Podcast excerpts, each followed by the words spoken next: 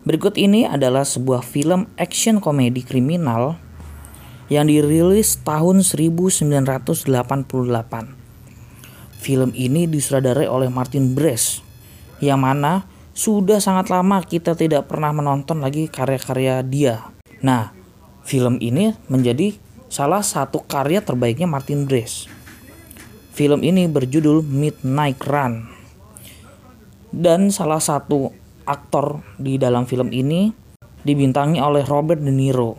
Dan kita bisa melihat gaya aksi berakting Robert De Niro yang tidak seperti biasanya. Yang biasanya Robert itu selalu berakting serius.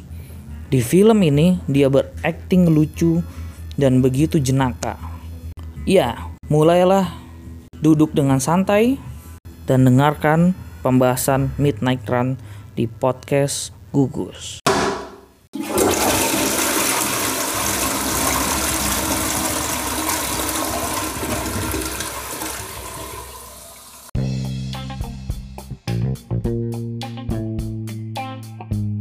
Oke, selamat datang kembali di podcast Gugus. Ya kali ini gue nggak sendirian ya. Seperti biasa gue bersama beberapa partner ya. Dan hari ini nih edisi gue nggak di rumah.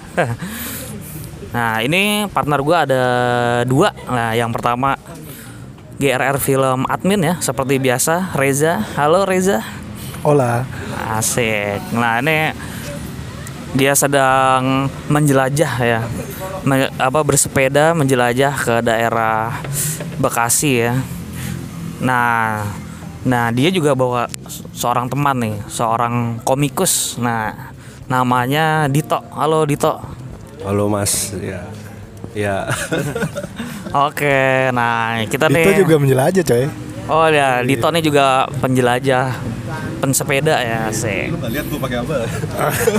Oh, lihat dong, lihat-lihat. iya dong.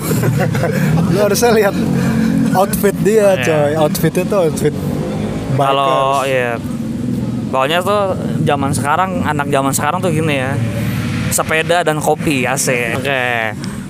Kalau Reja sudah ya, kita apa namanya episode kemarin tuh kita udah bersama Reja. Nah, ini sekarang bersama Reja lagi. Nah, kalau si Dito nih kalau gue lihat nih kayaknya salah satu hal yang menarik gue nih dia terakhir punya project gitu ya, project bikin skin PUBG. Ya bener nggak?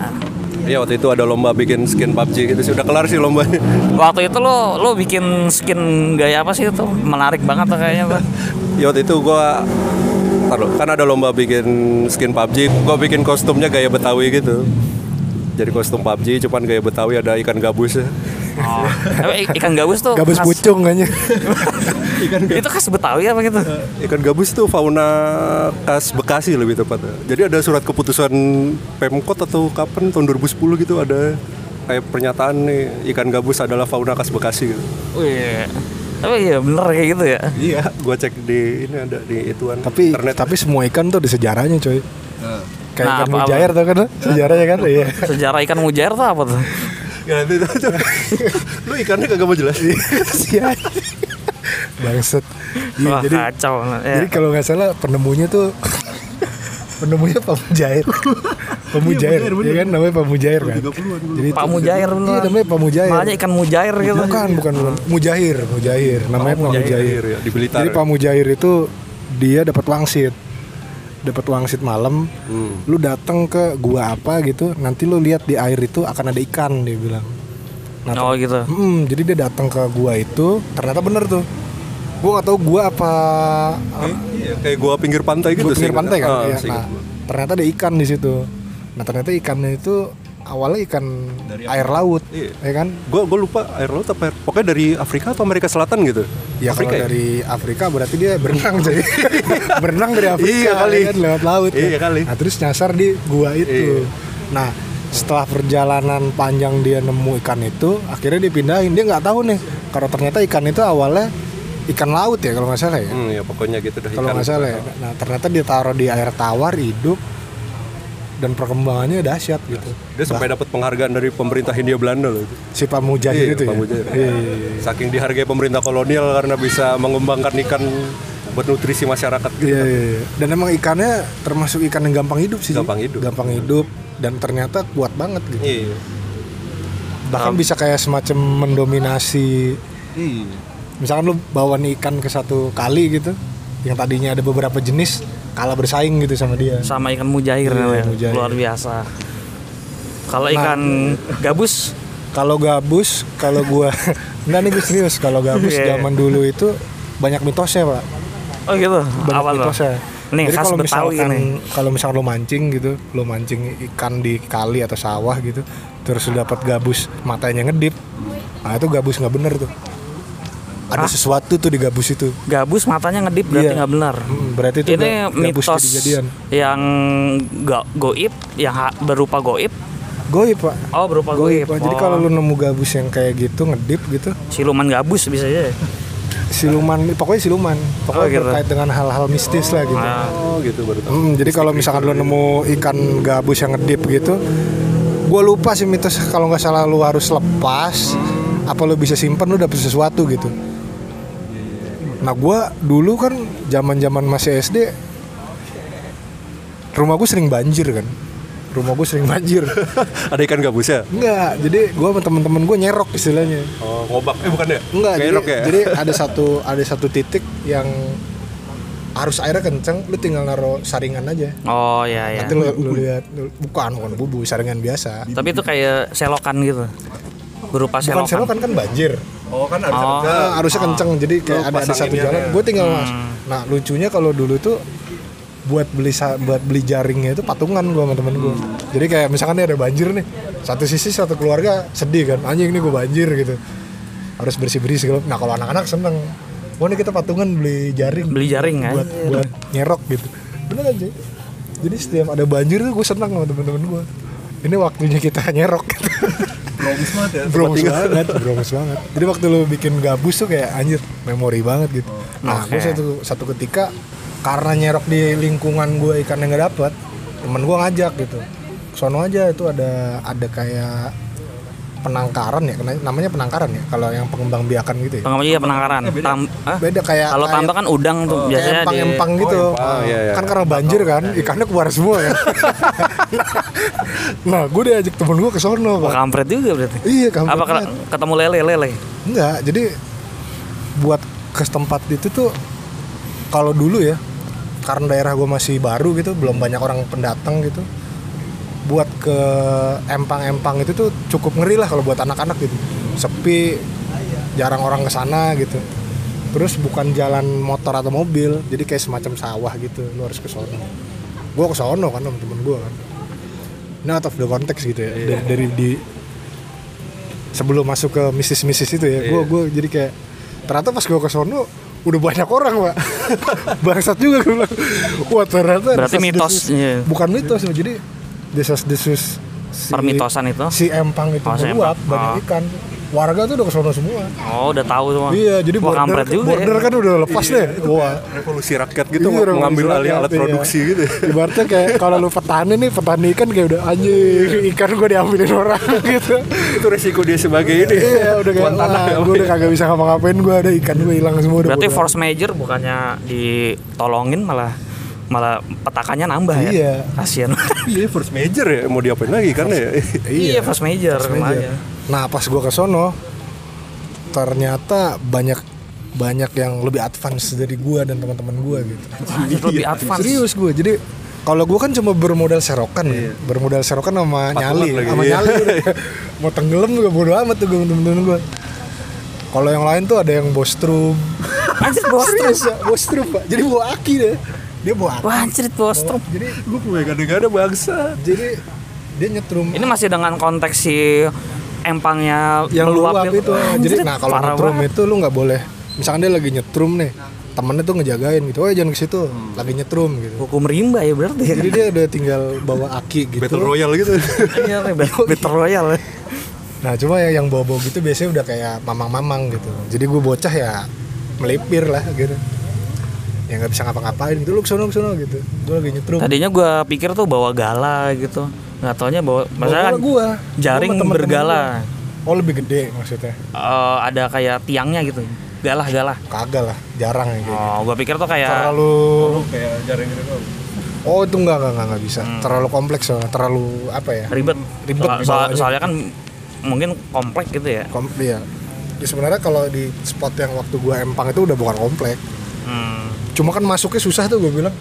itu masih yang rumah yang gua datangin terakhir itu yang pertama kali gua kenal lu tuh Iya, di oh yang itu Iya. oh, set Cuma sebelum lu datang tuh daerah situ emang masih kosong banget. itu kampus belum ada loh universitas belum ada belum, belum ada. oh Komplek pun cuma komplek gua kalau nggak salah di situ. hmm.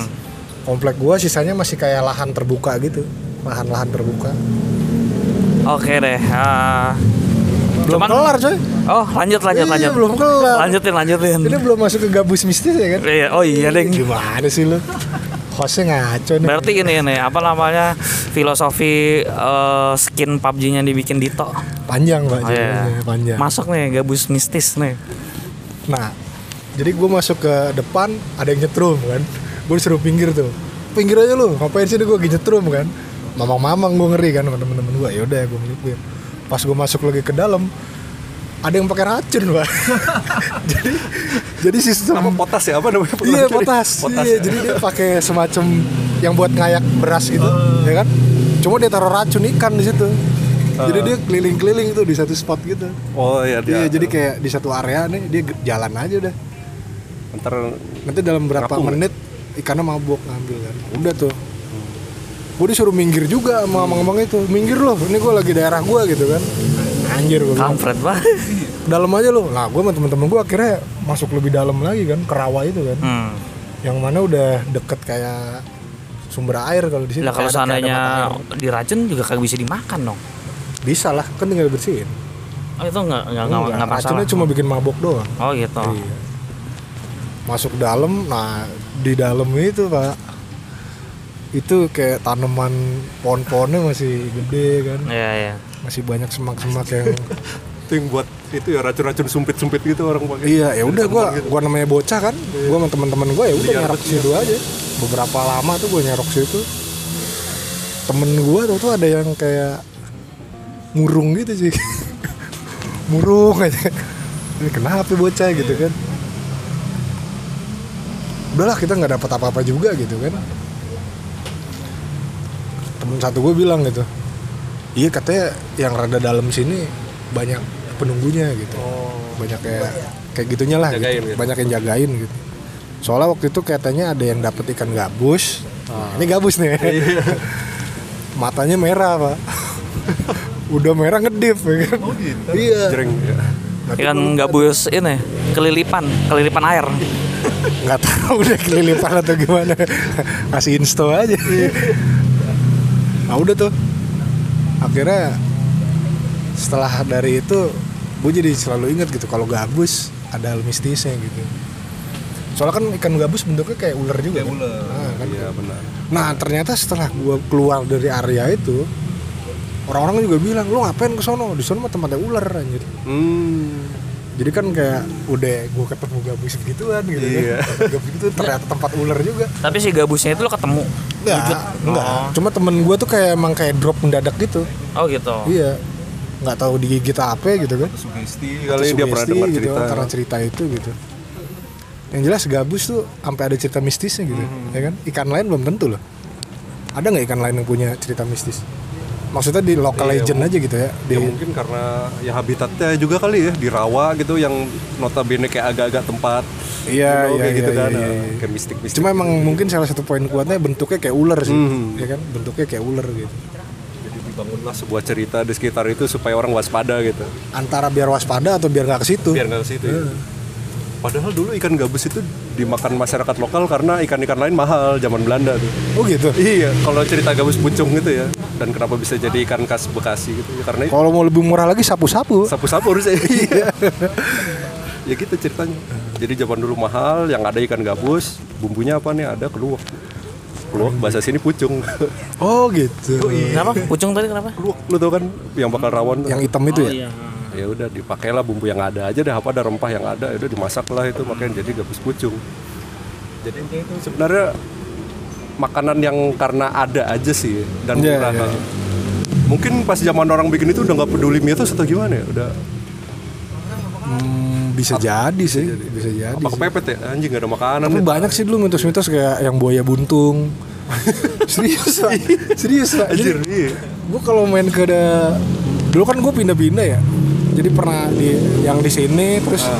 waktu itu di, di dekat Depok tuh dekat Setu satu babakan tuh Oh tahu. Ah, sebenarnya kalau gue pikir sekarang gitu sebagai orang yang udah dewasa gitu gue mikirnya kenapa dibilang ada mitos-mitos supaya anak-anak nggak ke sana Hmm.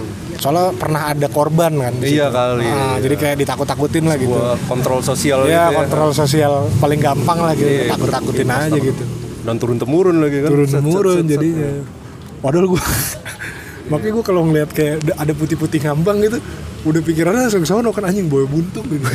padahal mah bukan juga bisa Iya. jadi styrofoam kan Tapi kalau buaya buntung tuh masih ada tuh SD gua. Isu-isu Iya, itu. Mr. Gepeng gitu ya Mister Gepeng, buaya buntung. Kalau gue dulu buaya putih tuh di Kodam tuh. Di pilok kali itu Padahal komplek ya, komplek Abri ya. albino berarti albino, albino ya buaya Belakang kan- albino Belakang sekolah gue ada WC kan. Tuh WC katanya udah didesas-desus segala macam lah, angker lah. Belakangnya ada kali, kali kecil anjir kayak kali got gitu. gitu ada buaya aja. Komplek Abri aja. Orang ngomong gitu. tinggal ditembakin ya iya, ngapain takut gua kata. Tapi, Tapi emang orang dulu- takut loh itu. oh, sebenarnya bukan orang-orang pak mungkin bocah doang Bocah sih, iya. iya bocah Iya, bocah. doang Sampai orang-orang tuh, eh orang-orang, anak-anak gitu kagak ada yang berani ke WC, Iya, kan? pada berak di celana.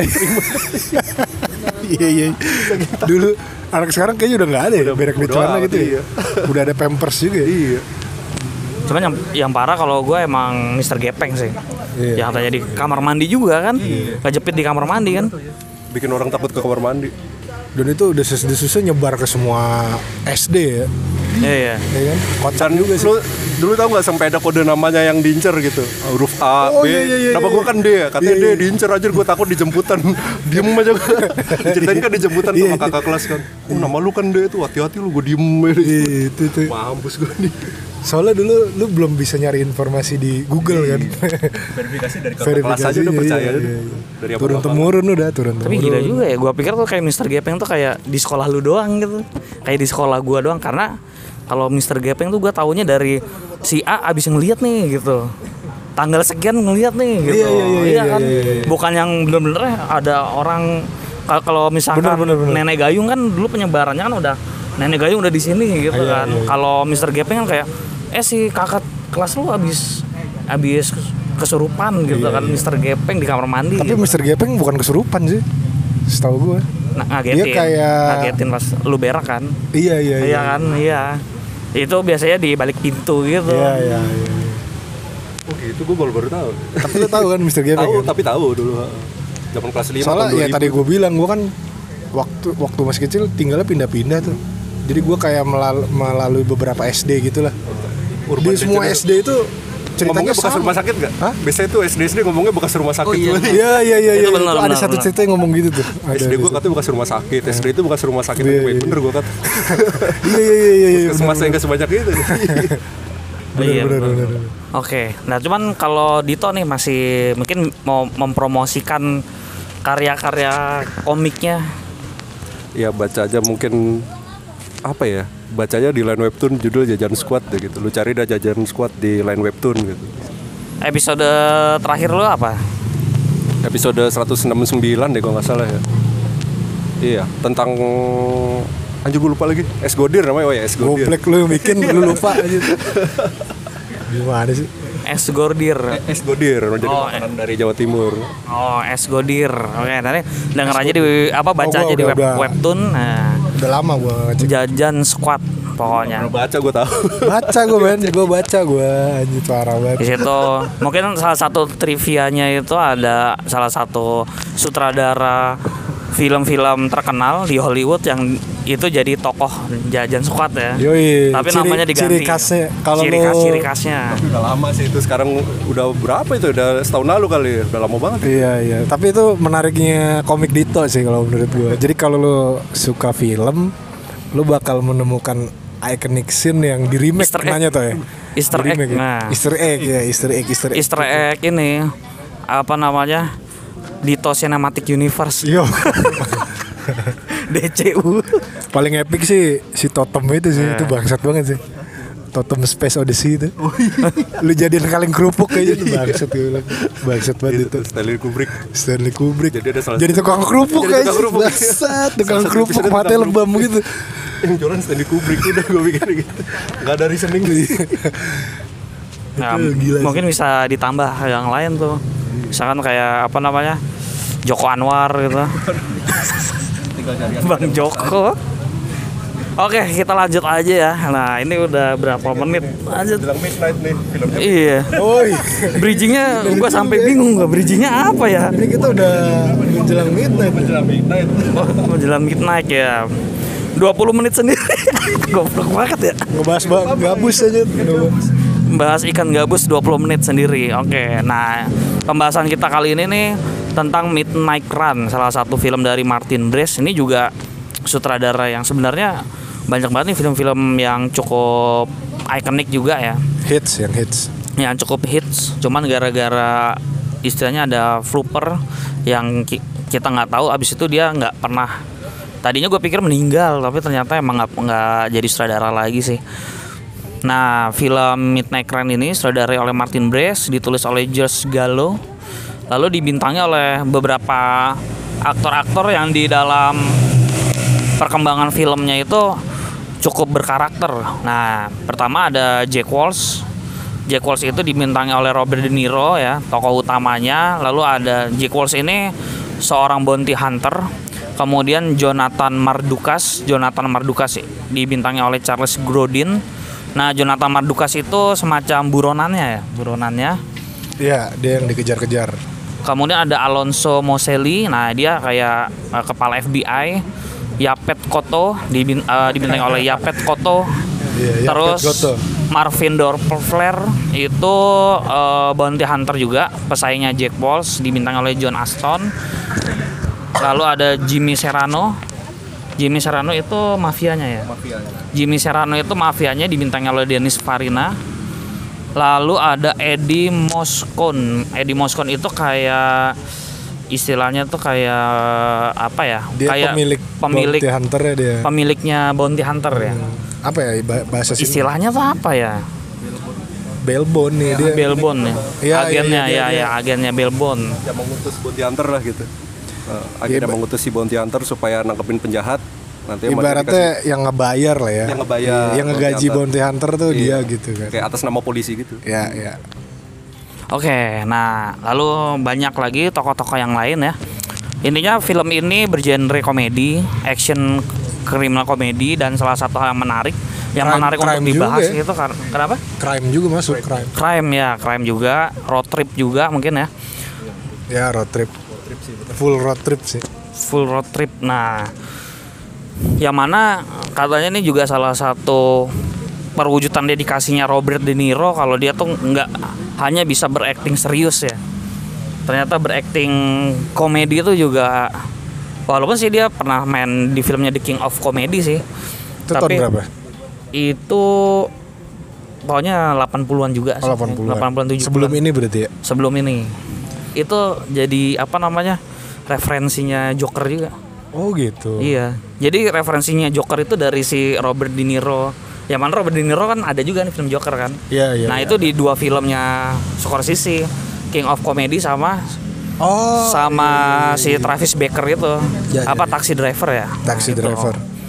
Gitu. Tapi emang kenapa dia ngambil film ini salah satunya itu itu ya. Dia bosan ngambil Iya dia bilang Peran setelah maf- terakhir di Untouchables ya dia jadi Al Capone kan Hmm. dan sebelum sebelumnya film mafia kayak apa Godfather 2 ya kalau salah ya. Godfather. Ya pokoknya Dia di film-film dulu lah. sebelumnya depresif banget gitu. Iya ya. filmnya sebelumnya depresi terus Ah. nuansa kriminal yang jahat gitu. Iya, iya. Jadi lebih kayak ke keluar dari zona nyaman juga kali ya, sama mengextend skill dia gitu. skill ya betul Oke, nah ini sinopsis dari film Midnight Run nih. Gimana nih? Siapa yang mau duluan nih? Kayaknya Dito, Dito, Dito. Ya udah, lanjut. Ngeriza. Ya, sebenarnya basicnya dia si Jack Walsh, Jack Walsh kan pemeran utama Jack Walsh lah ya.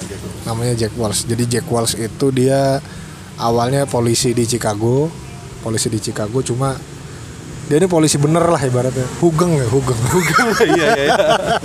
Iya seperti Hugeng. Hugeng gitu kan. Lempeng gitu. Lempeng hidupnya gitu Justice. kan. Justice. Cuma di satu sisi di satu momen dia menangani satu kasus yang bersinggungan dengan mafia ya. mafia, mafia iya. di Chicago. Salah satu mafia besar gitu. Namanya Jimmy Serrano. Nah karena dia mengusik mafia kelas kakap di area itu ada ya ibaratnya politis kali ya. Politis. Politis buat ngejatuhin si ngejatuhin, Jack iya. Walsh ini. Sampai akhirnya ya udah dia dilepas apa lepas jabatan ya istilahnya. Dipecat malah. Dipecat ya dipecat, Dipecat. secara tidak terhormat gitu dari Iya. kepolisian Chicago. Dia kira pergi dan akhirnya menjadi seorang bounty hunter Bounty gitu. udah kayaknya sih awalnya gitu sih. Mungkin dia tuh lebih ya lanjut mungkin awalnya kan gitu ya itu apa ya cerita awal karakternya ya nah sedangkan dalam di film Midnight Run ini sendiri ketika dia menjadi bounty hunter dia ditugaskan sama si Belbon itu si Eddie Moscone Eddie yang namanya ha. buat buat menangkap seorang akuntan yang bernama John Mardukas ya. yes iya. Nah kenapa dia ditangkap? Karena John Mardukas ini kebetulan bersinggungan juga dengan Jimmy Serrano. Gitu. ya iya Dia nyolong, dia kan karena dia akuntan jadi pokoknya dia dengan trik-trik ekonomi gitu. dia nyolong duit 15 juta dolar supaya di- dia bagikan kepada charity. Ya udah kan nggak seneng lah akhirnya. Iya, sebenarnya di awal tuh di awal sebenarnya kita masih belum kalau kalau nanti gitu adegan awalnya langsung uh, si Jack Walsh beraksi nangkap buronan kan. Iya. Dan itu lucu banget sih. Jadi di awal tuh dia masuk ke apartemen kosong gitu, apartemen kumuh. Terus dia mau kan ada tuh yang ngebuka kunci pakai Oh iya dia pakai lockpick namanya. kan dia tuk, dibuka terus jatuh diambil tentu ditembak gitu nah di situ pengenalan si Jack Walsh sebagai Iya, seorang bounty hunter tuh di situ kita diperkenalkan pada Jack Walsh yang kayaknya orangnya gerodakan gitu kan. Ya, Tapi iya. dia apa ya? Met, bukan metodis apa ya? Dia akurat gitu loh. Kalau dia kalau udah ngincer satu orang mesti kejadian bisa gitu iya ya. betul betul Uh-uh. dia yang struktural banget lah gitu Iya. ya, struktural banget ya gitu jadi pengenalan dia sebagai bounty hunter tuh di awal-awal kita udah dijelasin gitu. Sampai akhirnya dia ketemu salah satu pesaingnya juga gitu. Iya. Namanya Marvin. namanya Marvin. Dan itu nanti akan berlanjut. Si Marvin ini salah satu tokoh kunci juga di film Iya. ini. Yang bikin film ini dari awal sampai akhir Dan yang menarik mungkin kalau kita pertama biasa ngeliat Robert De Niro kayak kesannya galak mafia Yes. gitu kan cool gitu. Iya. Ketika dari adegan pertama film ini kita langsung lihat sisi dia yang lain gitu ya. Iya iya iya. Jadi karakter dia yang di awal-awal tuh kayaknya serius, karismatik gitu. Iya. Karismatiknya sih masih ada, Karismatik cuma masih ada. sisi komedinya ya. Dia apa ya lebih iya kayak Humor humor. humor gaya kayak humornya geradakan gitu loh dia Geradakan ya. Jadi humornya langsung kuat banget gitu. Makanya ini film menarik nih dari lu pertama nonton lu udah ekspektasi Robert De Niro kayak begitu tapi begitu ngeliat adegan pertama langsung anjir nih film ini kayak bakal beda nih Iya, iya. ternyata bener emang iya, beda Iya bener. Ya gitu. Jadi dia akhirnya harus menangani satu kasus tadi yang dibilang Dito kan Iya. bersinggungan dengan Serrano. Dan ternyata Serrano ini juga diincer salah satu Iya namanya mafia kan ya. Iya mafia gede kan. Mafia gede di Chicago. Dia diincar juga sama pihak kepolisian Poli- gitu FBI iya, kan. FBI, Ah, iya. FBI yang FBI yang ngincernya udah lama tuh. Iya. dia diincar sama satu polisi apa? Salah satu eh, agen FBI namanya Alonzo Alonso kan Mosley. Alonso Mosley. Nah itu awal pe- pengenalan Alonso juga lucu tuh. Iya. Jadi awal pokoknya setiap pengenalan karakter tuh di film itu selalu lucu ya Iya benar. Dan kita tuh langsung diperkenalkan kayak karakter nih kok caur-caur banget nih dari penjahat dari jagoan semuanya tuh kok kayaknya nggak ada yang bener gitu. Iya, iya, iya, iya. Bukan nggak bener kayak yang ngawur aja udah Ngawur gitu. aja, iya. kalau si Mosley kan jadi ya tadi yang dibilang Dito kan jadi si Jack Walsh itu disuruh sama Eddie Eddie itu Jadi itu kayak bell bones istilahnya. Bell Bones ya Bounty Hunter gitu ya jadi jadi, tempat ya, ya, ada orang-orang itu yang diutus buat nangkap-nangkapin penjahat atas Iya. nama polisi gitu. atas nama polisi nah Jadi itu juga gitu. pengenalan karakternya juga lucu gitu Iya. jadi setelah kejar-kejaran dan nangkep apa buronnya itu kan Iya, dia akhirnya bawa ke sana dia mau minta apa upah kali ya dari cara dia minta upahnya juga itu lucu gitu kan Iya.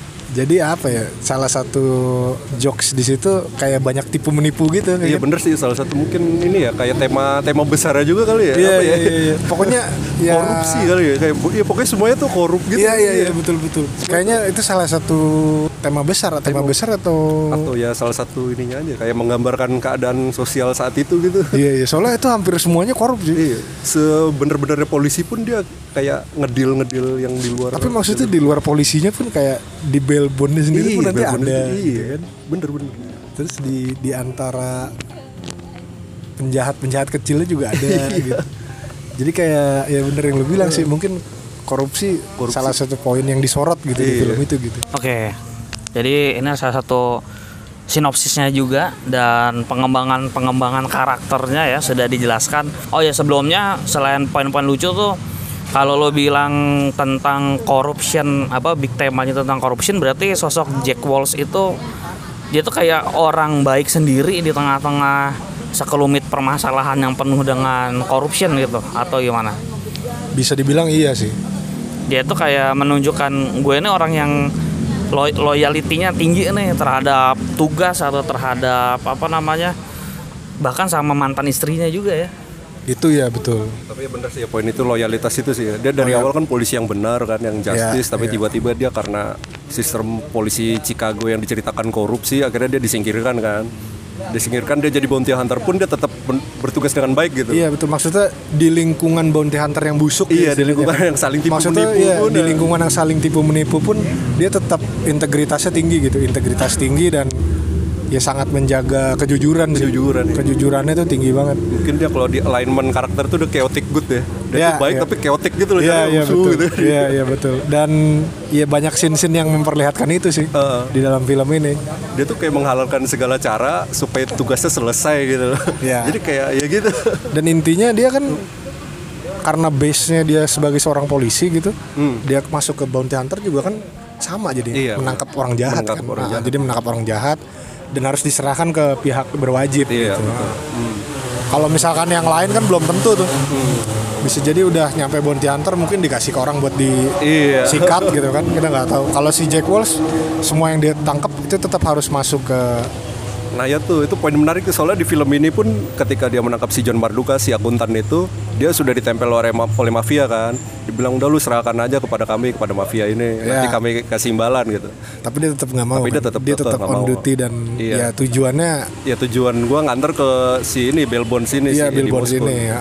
Dan Walaupun- emang harus di billboard itu juga dia udah kenal gitu kan. Jadi ketika Iya. udah ke situ emang dari situ akan dioper ke, Ke pihak berwajib. pihak berwajib, Ah, iya. Bukan nggak tahu dijual atau Iya, digimanain itu gitu. udah kan. bukan urusan dia. Bukan urusan dia gitu. dan mereka walaupun dia dipecat dari polisi dia kan dendam dengan polisi kan dari ceritanya Iya iya iya iya dendam dengan polisi. tapi dia tetap ya udah emang emang tugas gua di sini ya udah gua nggak nggak punya urusan gitu.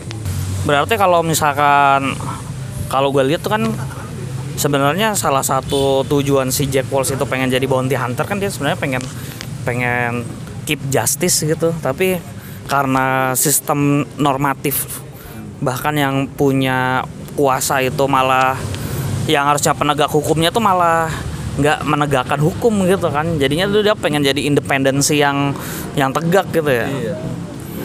Dan di sisi lain malah tokoh antagonisnya si Jonathan Mardukas tuh juga yang seharusnya kan dia penipu. Penipu kan harusnya jahat gitu kan.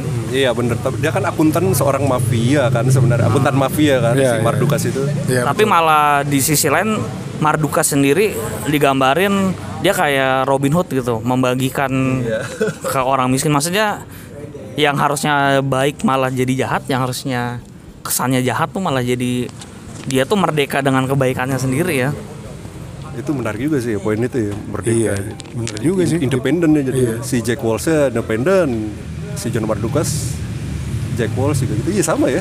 Iya iya. Mereka itu punya ini nurani sendiri gitu loh bergerak. Ya makanya itu itu yang menyatukan mereka kan. Iya. Dan salah Jadi- satu adegan yang pas di kereta. Jadi di kereta. intinya si ya itu makanya ada satu scene yang living Iya, in denial kan. Menggambarkan mereka berdua yaitu tuh lu cari di YouTube dah nih buat yang denger cari aja Manhattan Living in Denial gitu. Itu ada adegan yang ketika di mana mereka berdua pertama kali berdialog itu menggambarkan itu living in denial jadi hidup dalam penyangkalan gitu. hidup dalam penyangkalan gitu. Nah, berarti kalau dari sisi mereka berdua tuh dia mencoba merdeka dari penyangkalan tuh atau gimana tuh kalau di dalam dialog yang di kereta tuh Iya iya juga sih. Bener juga. Maksudnya di di salah satu scene kan nanti ada dialog yang membahas itu gitu. Jadi awalnya dan ini tetap dengan style yang lucu gitu ya, timpal-timpalan dialognya. Jadi awalnya tuh di kereta si Jack Walsh makan kan. Dia makan daging yang dimasaknya tuh dengan minyak yang Iya, banyak gitu. kayak chicken wings, chicken, Chicken wings, wings gitu, gitu, ya, langsung Yang sih. berminyak gitu. si Duknya bilang kan lu tahu gak sih yang lu makan tuh bakal memicu kolesterol gitu Ah. dan itu bahaya buat jantung kan gitu si Jacknya bilang gitu Iya, ya gue tahu gitu terus kenapa lu masih makan gitu enak, enak, soalnya iya karena iya. enak. lu tahu nggak kalau kolesterol tuh bahaya dan bisa menyebabkan lu mati gitu. Iya, gue tahu. iya gue tahu gitu lalu udah tahu itu bahaya Iya. masih lu lakuin Masih lu gitu. lakuin, lu sadar itu lu lu, sadar lakuin. itu berbahaya nah lu Itu hidup namanya living in denial. living in denial gitu nah jadi dari situ aja kayaknya dia udah mau nah nanti di salah dialog lanjutannya dia nyinggung Iya, akhirnya ditimpalin lagi. nah, yang paling kalau nggak salah gimana tuh Ditanya John Mardukas. Apa ya? Pertama ya, dia nanya- nyolong 15 Oh juta iya, lu tahu. Iya, nyolong 15 lu, juta lu kan akuntan, lu tau gak sih kalau nyolong 15 juta itu bersalah gitu? Iya gue tahu. Terus lu nyolong duit itu lu kasih ke orang-orang yang gak lu kenal gitu. Nggak ada manfaatnya buat lu, lu tahu kan? Iya gue tahu. iya nah itu namanya hidup dalam penyangkalan. lu tahu hal itu salah, lu nyolong dari mafia. Tapi lu melakukan hal-hal supaya lu dicintai oleh orang-orang yang gak lu kenal gitu. iya iya tapi akhirnya dia bilang kan tapi kan ini gua kasih buat charity Hmm. Iya. Nah, di situ tapi gue kasih ini juga. buat ke charity kan, buat ke yayasan amal. Tapi dibalas lagi sama Jack Walsh gitu. Berarti lu merelakan hidup lu supaya dicintai sama orang-orang yang gak lu kenal gitu. Iya, Lu iya. mau kayak gitu gitu. Nah terus akhirnya dia ngelanjut ke keluarga kan Iya, terus dia bilang, iya gue senang kok dicintai oleh orang-orang. Iya. Lu dicintai juga kan Jack gitu. Iya, Nah iya. setelah dia ngomong gitu, si Jacknya langsung berhenti makan. iya iya Nah dari situ berlanjut ternyata dia diperkenalkan kepada penonton, oh dia punya masalah keluarga. Iya, gitu. Dari iya. situ. dan ini salah satu pemicu dia mau nangkap si Duk juga cuy Hmm. jadi salah satu momen tuh dia oh siduk si iya Mardukas, si Mardukas ini dia itu lelah sebenarnya di kehidupan bounty hunter ini Oh iya benar diperkenalkan juga. Ah, dia kayak anjing hidup gue gini banget anjing Gini aja ya. Ah, ibaratnya buat nyari makan aja gue harus merela hampir hampir mati, kan iya. Nah, jadi di awal kan itu langsung adegan yang cukup intens. Iya dari ada dia hampir ketembak berkali-kali mau berkali-kali loncat dari jendela, Loncat dari jendela tabrak gitu. mobil ya. Demi nangkep penjahat, terus dibayarnya cuma dikit gitu. Iya. Diremehin polisi lagi. diremehin Gitu, polisi ya kan jadi kayak Di kata-kata ini. Mau sampai kapan nih gue hidup kayak gini gitu di momen itulah Iya. Kan memang film ini memang maknanya banyak. Nah, tapi di sisi lain kan film ini nih menurut gua sih ini film yang tipikalnya tuh speech komedi gitu. Jadi dialog-dialog tektokannya itu eh, banyak gitu. Nah, kira-kira nih eh, scene-scene menarik nih dari kalian berdua di filmnya Midnight Midnight Run atau enggak mungkin dialog-dialog lucu apa yang yang masih nyantol di kalian berdua nih. Mungkin dari Dito dulu nih. Wah nih kalau ini sebenarnya dia udah banyak banget aja ya.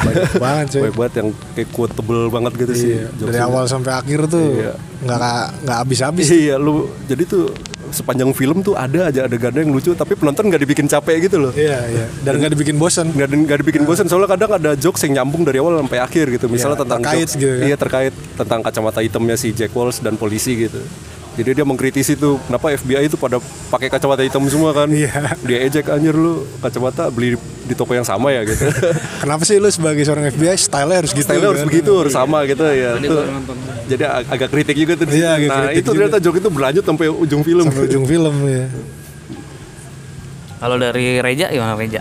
Kalau dialog sih banyak banget ya salah satunya yang si denial denial living itu ya. denial tuh bagus jadi kerennya film ini selain mengkritisi tadi tuh Iya. mengkritisi ya masalah Apa ya, style politik, polisi, sosial polisi. politik sosial, korupsi, menyangkut juga dengan ini kayak kehidupan-kehidupan apa finansial gitu Hmm. atau tentang masalah ya itulah tentang kehidupan gitu kan makanya banyak dialog-dialog yang di luar bercanda serius juga gitu. Iya, ya salah satunya tadi itu tuh. Oke ya mungkin untuk tapi kalau ngomongin besin nih kalau dari lu ja besin dari film ini apa nih kira? kalau Basin sih gue momen dia udah lapar banget gitu kan. Oh, iya iya. Sama- tapi ini lagi-lagi si Jack Wells ini bukan dia inisiatornya Wah, iya, iya. inisiatornya tuh Inisiator justru si Mardukas si- ya. jadi emang menjaga konsistensi apa si Jack Wells sebagai orang bener tuh benar-benar dijaga gitu Iya. Walaupun dia pakai trik-trik ya. Jadi dia kan di awal film kan dia nyolong kartu ID-nya si Alonso Mosley. Kan? iya. itu gue bertanya tuh dia nyolongnya gimana ya Waktu di dalam mobil. Kok bisa ya Jadi dia kan lagi jalan kan, di- ditarik ke dalam mobil kan diinterogasi. gitu. tapi kan yang narik anak buahnya tuh Iya, itu buat lucu-lucuan filmnya aja sih Buat lucu-lucuan Iya. film aja ibu kayak tadinya mau nanya gitu kalau menurut lo dia ngambilnya pas kapan gitu Tapi kayak sih pas di awal pas ditarik gitu. pas di awal kalau menurut gua jadi udah, pas iya. dia bersinggungan ditarik nah, dia- itu itulah salah satu alat terpenting di film itu juga dia megang ID polisi itu. Coba foto depannya diganti. Iya. itu juga salah satu ikonik scene ya yang dia Iya, dan ngeganti dengan itu dia foto. bisa pakai kereta, pokoknya dia bisa lolos dari segala macam dengan mengaku-ngaku sebagai FBI gitu. Sebenarnya ada berapa adegan ya? Ada tiga adegan ya yang dia pakai itu ya. Pertama di pesawat kan. Ya, pesawat. Dia bisa lolos dari pesawat dengan nunjukin, oh gua agen FBI. Jadi gua lagi nangkep penjahat. Oh ya udah, dilolosin terus naik kereta juga sama, ditunjukin ke orang. Nah terakhir dia pakai itu pas suatu dia kelaparan sama j- John Iya, Bartugas. iya, iya. Pokoknya dia udah berkelana keliling Amerika, udah sampai Texas atau apa daerah gurun gitu kan. Dia mampir ke satu warung gitu di toko. Ngaku-ngaku FBI supaya ngecek uang palsu. Iya. kayak ada desas-desus gitu kan. Lu Iya. ketemu lu ngeliat orang dengan uku tinggi segini Iya. gitu kan. Dia bawa duit palsu duit sebenarnya. palsu 20 dolar katanya. Ya Ya udah dia pakai dengan trik. Oh, itu lu lu cari deh di YouTube atau apa. Lu tonton filmnya tuh lucu banget ada kan. Iya, itu namanya litmus configuration ya. menggunakan yang namanya litmus Iya, configuration. itu kocak banget sih asli kocak banget dengan trik itu ya udah mereka dapat duit bisa dapat makan Yoi. Pokoknya banyak dialog-dialog mereka berdua itu yang ya bener tadi lu bilang tuh apa? Di- Apa? Yang mana? speech comedy ya, speech comedy. Speech komedinya emang padet banget sih, padet banget. Nah kalau dari Dito nih apa nih? Uh, best scenes-nya kira-kira? Ya antara yang lucu-lucu itu adalah salah satu yang kontras yaitu yang pas dia ketemu mantan istrinya ya Oh itu iya, itu epic juga sih. Jadi dalam film yang penuh dengan action komedi ini tiba-tiba dia mampir ke kampung halamannya ke Chicago, dia bertemu mantan istri nggak ketemu berapa belas tahun gitu kan. Iya, iya. Anaknya juga udah gede. Anaknya udah gede ya. Pokoknya istri eh, pokoknya ceritanya dia se- setelah disingkirkan dari Chicago ini, dia kan polisi ya tadinya ya. Ya udah mantan istrinya men- menceraikan dia, mantan istrinya terus ini ya nikah sama polisi. Iya. Polisi yang ternyata korup. Polisi yang korup ternyata yang penggantinya dia gitu ya udah dia mampir karena saking kepepetnya dia nggak punya duit dia mampir ke rumah mantan istrinya minta duit Iya, gitu. bener itu gokil sih. Iya terus ternyata dia ketemu anaknya yang udah cukup besar gitu. Itu menyentuh sih adegan itu. Itu best sih. Itu malah anaknya sendiri yang pakai apa namanya ngasih celengan ya. Si celengan. Terus akhirnya mantan istrinya walaupun dia, mereka sempat berantem sama si Jack Walsh dengan istrinya itu istrinya minjem ngasih dia mobil malah. Iya. Kalau yang gue lihat tuh dia tuh di lapangan dikejar tiga tiga ini kan, tiga kelompok kan. Tiga pihak ya. tiga kelompok. pihak gitu. Jadi pertama dikejar polisi ya kan, FBI itu kan. Iya dikejar FBI. Terus dia dikejar sama Marvin. Marvin tuh temennya. Yang not- Bukan temen sih, kayak saingan dia Rival sebagai gitu, rival bounty hunter.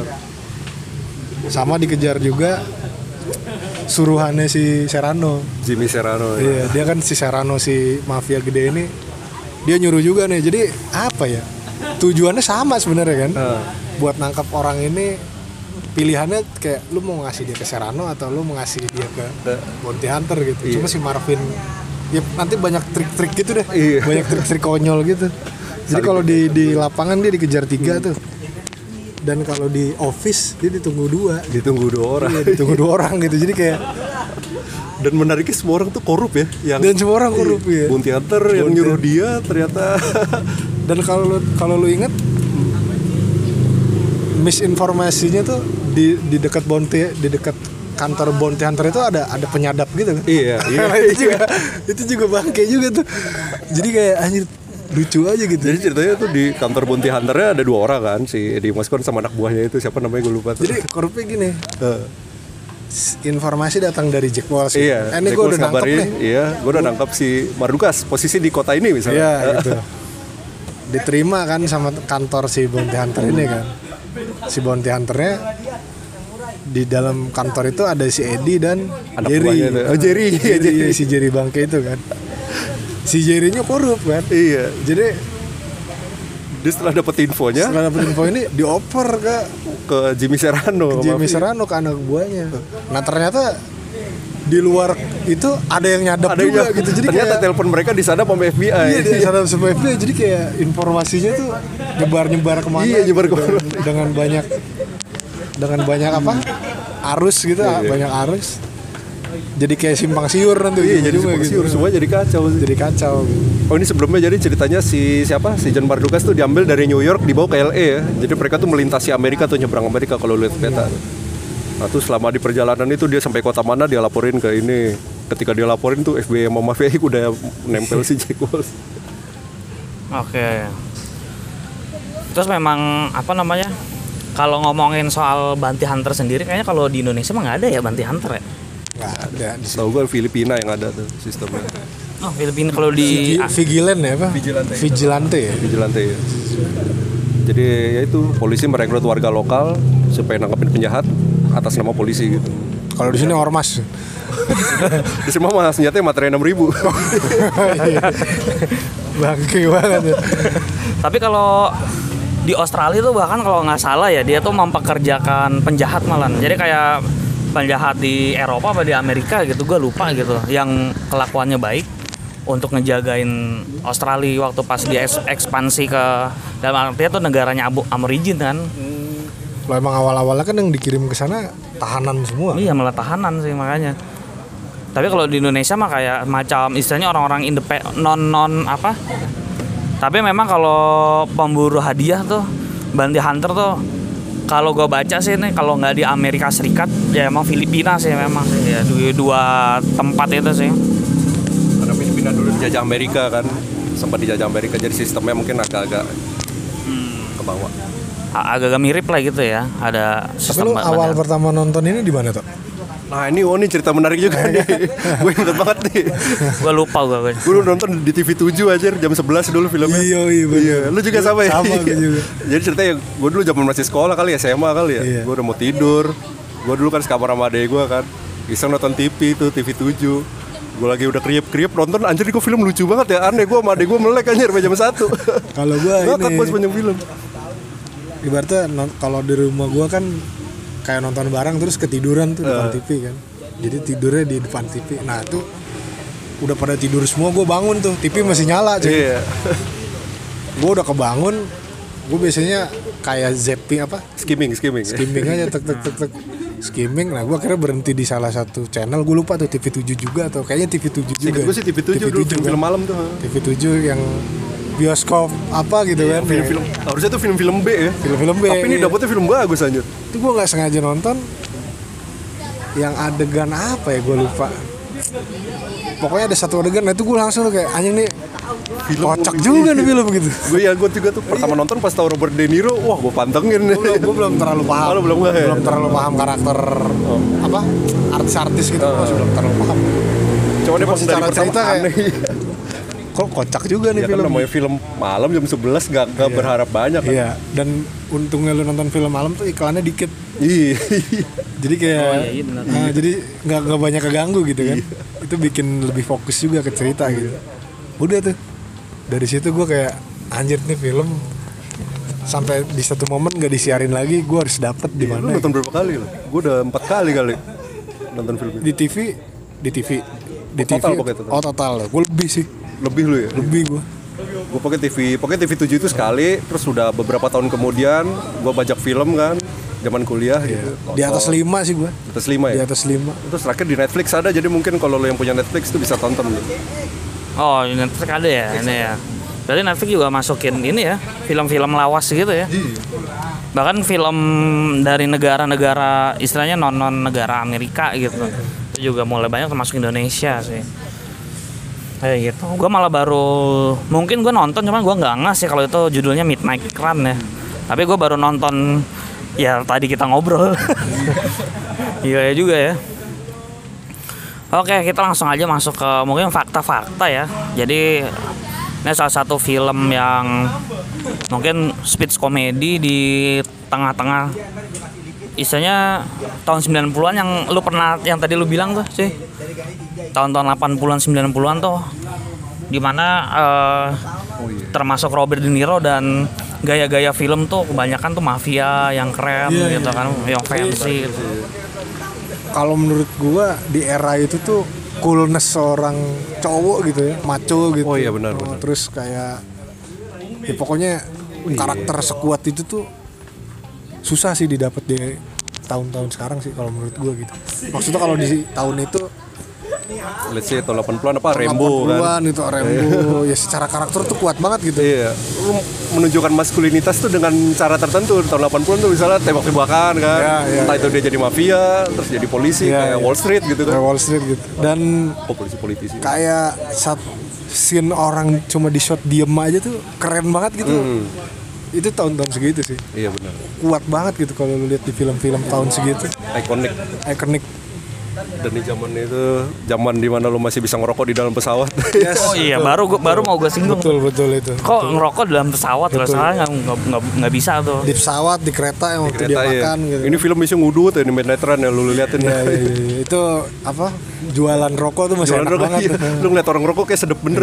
sekarang udah nggak ada ya orang ngerokok di film pun udah nggak ada ya Wah, gua nggak merhatiin deh. kayaknya udah jarang deh bahkan tuh di filmnya si Liam Neeson tuh polisi udara gitu. Yang terakhir berantem sama serigala. Ah dia berantem sama teroris endingnya. Taken. Bukan Tekken tapi yang lain lagi. Ada loh yang di pesawat. Dia ngerokoknya aja kayak di pokoknya diem-diem deh kan ada smoke detector tuh. Ah, intinya tuh kalau zaman sekarang tuh rokok tuh kayak nggak boleh. Padahal iya dikurangin banget sih. dikurangin banget. Padahal kalau dulu sebelum tuh emang kayaknya cowok banget sih. Rokok gitu kan kayak wah anjir sebenarnya kat- katanya katanya sih isu-isunya tuh bukan karena kebakaran sih karena lebih ke politis sebenarnya. Rokok tuh nggak nggak- Lebih tembakau yang nggak tahu juga sih mungkin aja ya bener. ah itu nah itu makanya. Kritik seduh. Apa kajian Hana Nataki? anjir itu Itu- ini ya? noise ya? itu beda segmen lagi pak. Iya. Tadi bapak udah nyinggung MLI ya kan? Ini beda lagi beda lagi. Kalau gugus beda dia. Emang gua apaan gua emang gua apaan? Ya kalau lu kan film pak. Film aja udah. Oh. jangan menyinggung politik tadinya mau rasis, agama. nyinggung ini dia di Corbusier. Menjadi manusia. Ya. Bukan Oh, iya. iya lu nyebut merek mulu. Lu. Dito ini banget Nanti noise sensor ya aja. Apa namanya? Musuh masyarakat. Menjadi manusia Iya. atau ini Sex and the City kayaknya. Ada. Satu persen satu persen. Satu persen atau ini BB69 temen gua. Nah oke. Nah terus kira-kira ada fakta-fakta apa lagi ya? Sebenarnya banyak banget sih yang pengen gue cuma emang karena terlalu banyak gue jadi agak scatter dari tadi gitu adegan yang di gerbong kereta itu tuh ternyata purely apa namanya improve improvisasi ya Oh ya jadi ini fakta juga Robert De Niro pernah diwawancara katanya film paling menyenangkan yang pernah dia terlibat itu film ini Midnight Run gitu. ternyata ya dari Ternyata sekian ya, banyak dari film sekian yang banyak dia film ya lu tau lah dia legend gitu kan. bahkan film-film yang Iya, menghasilkan yang menghasilkan award Oscar, award segala macam kata dia Bukan- paling menyenangkan ini iya. gitu. Ya mungkin karena itu ya tadi dia setelah film Untouchables segala macam gitu dia ke dapat karakter yang fun karakter gitu. ya, ya, yang yang kayak humoris gitu ngawur. Terus tadi menarik juga soal maskulinitas ya. Lu ketika tahun 80-an ketika berpendapat film maskulin itu yang harus tembak-tembakan, orang iya, poker. bener. di sini Film ini minim banget minim banget Dan ini menurut gua justru di sini maskulin nih, kayak road trip itu seperti tadi disinggung di awal kan. Iya, iya. Wah, di sini tuh kayak filmnya cowok-cowok Cowok gitu. banget sih, iya. Saling ini kan bertualang keliling Amerika gitu. terus kayak membahas isu keluarga gitu iya, kan. bener membahas bener-bener tuh. justru ini Finansial, real maskulin keluarga. sih Iya. jadi kayak lu membahas ya maksudnya ya ini yang dihadapin Iya kayak seseorang seorang laki-laki Seorang laki-laki, iya. umur segitu di era itu gitu problem-problem yang dihadapin gitu dan terhadap loyalitasnya sendiri tuh sebenarnya satu gitu. poin ke- maskulin maskulinitas juga jadi nggak harus selalu tembak-tembakan yang disorot gitu nggak melulu ketika tahun 80-an ya lu tahu filmnya kan macam-macam tapi si Rocky ya. Iya, iya, iya, kan iya. Rambo. Iya, iya, iya. Maksudnya yang di highlight selalu hal itu gitu ya. Maskulinitas dalam dalam segi fisik doang gitu Iya, kan. iya, iya. Bakbuk bakbuk dor dor dor dor gitu. Di sini enggak. Enggak kalau di sini. Jadi dia tuh bro banget tuh akhirnya si John Mardukas sama Jack Wolfson Ya. yang tadi awalnya bermusuhan tapi nggak sekul apa ya film-film Yojimbo gitu kan kayaknya kan iya.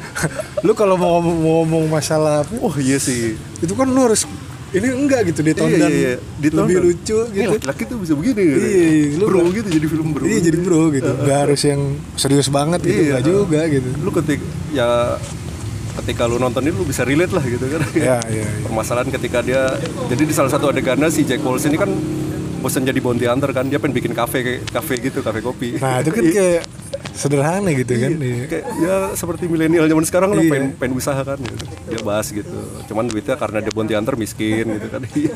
iya ya maksudnya cita-cita dia itu pengen bikin kafe kecil gitu cuma pengen bikin kafe kecil terus dia bisa nyekolahin anaknya kalau Iya, salah ya ah, kalau nggak salah. nyekolahin anaknya sampai kuliah kalau nggak salah itu kayak anjir ya keren juga ya keren banget sih Rea- realitanya gitu loh realita dan ya itu yang tadi lu bilang justru laki-laki ya kayak gitu gitu. iya.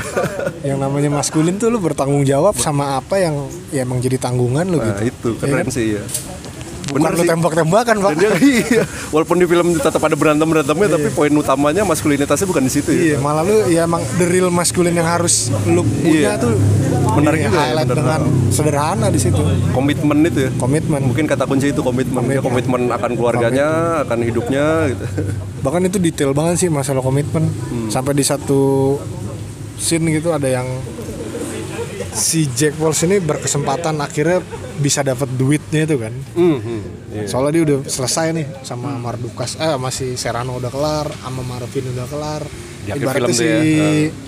Mardukasnya udah di tangan dia lah tinggal dia kasih Tinggal dikasih kayak di Moskow tinggal dikasih ke Demoskon tapi ya karena, setelah perjalanan iya. panjang gitu kan sampai akhirnya dia tahu gitu gue salah nih kalau sampai ngasih si Iya. Mardukas ke Jadi gini ya, Eddie gitu. walaupun dia dapat misi dari Eddie Moskon, tapi di tengah-tengah film tuh Eddie Moskon mengkhianati si Jack Walsh. ya, ya, iya. itu salah satu pemicu, akhirnya dia iya. tapi poin gue tuh sekalipun dia nggak ngasih si Mardukas ke Edi janji dia kan satu kan sebenarnya gue bakal bawa Mardukas ke Eh, LA. ke LA Iya. iya. Ya udah dia melakukan itu sebelum jam 12 malam ya, sebelum ya. jam 12 malam jadi itu kayak relate ke judulnya juga gitu Oh ya tuh, oh ya terus untuk menjelasin itu juga fakta menarik soal judulnya Midnight Run tuh. Jadi dia di awal-awal kan disebutkan misi si jemput Mardukas dari New York ke LA kan. Terus si Jack Wolfson bilang anjir ini susah banget. Eddie Muskon bilang enggak ini tugas gampang ini cuma Midnight Run. Gitu. Jadi Run itu istilah di Amerika kalau misalnya lu malam-malam haus gitu kan, lo ke supermarket beli bir, pulang ke rumah lagi bentar doang.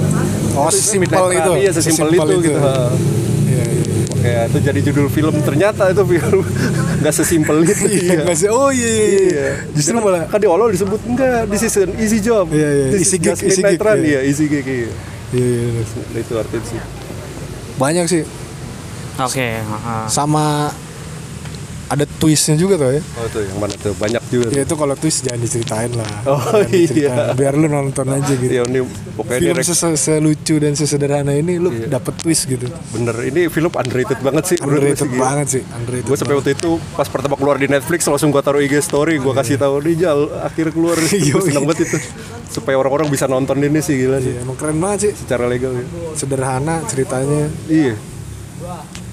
Oke, terus ada juga nih fakta menarik juga. Kalau awalnya itu eh, di ini kan Universal Studio kalau nggak salah ya. Studionya itu sebelumnya tuh Paramount Pictures.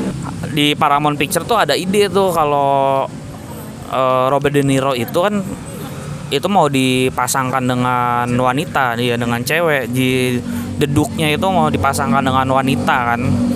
Cuman kemudian si siapa sutradaranya itu bersikukuh gitu. Ja- janganlah apa namanya karena di situ ada takutnya ada kayak nada seksual gitu. gitu ada istilahnya ya menjual kefeminiman lah gitu ya jadi seks jadi seks gitu.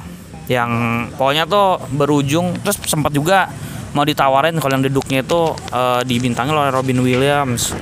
Ya intinya kemudian sih film ini haknya dijual ke Universal ya jadinya ya gitu. Tuh jadi Grodin itu kan si Grodin itu. Nah ini juga nih ada fakta yang tadi sebenarnya udah diucapin si Dito sih. Kalau film ini apa namanya juga kayak film refreshing gitu refreshingnya Robert De Niro setelah dia eh, memainkan film The Untouchable gitu sama Big tahun 88 juga. Dia jadi Penny Marshall Oke jadi seperti itu. Kira-kira nih sebelum kita tutup nih ada kayak pesan terakhir nggak nih tentang film ini atau apa gitu? Mungkin dari Reja? Ya kalau menurut gue sih atau nggak ada poin kan lo ada poin-poin tuh kira-kira ada yang belum disampaikan tapi lo pengen sampaikan. Banyak sih pak. Banyak banget pak. Cuma karena terlalu banyak tuh jadi terlalu scatter gitu kayak soundtrack gitu kan soundtrack oh iya ya soundtrack ya ngomongin digubah oleh anjir digubah. Iya, oleh Danny Elfman. Danny ya. Elfman. lu google dah lu itu Danny Elfman siapa? Wacaraka tuh. Iya. Iya bro. Dan itu song-songnya memorable sih tone-tone itu. Bagus sih Danny Elfman itu. Ya lu google aja dah Danny Elfman itu siapa tuh bagus. Ada soundtrack juga ada apa lagi ya kira-kira? set juga gitu set-setnya. yang set saya tahun 80-an atau set saya 80 bukan bukan set 80 kayak apa? Pengkarakteran setiap pemain gitu. Oh pengkarakterannya tuh berwarna gitu ya? berwarna gitu. Jadi ada yang tipikalnya serius ada yang komedi serius sampai serius banget gitu. Hmm. itu rapih tuh.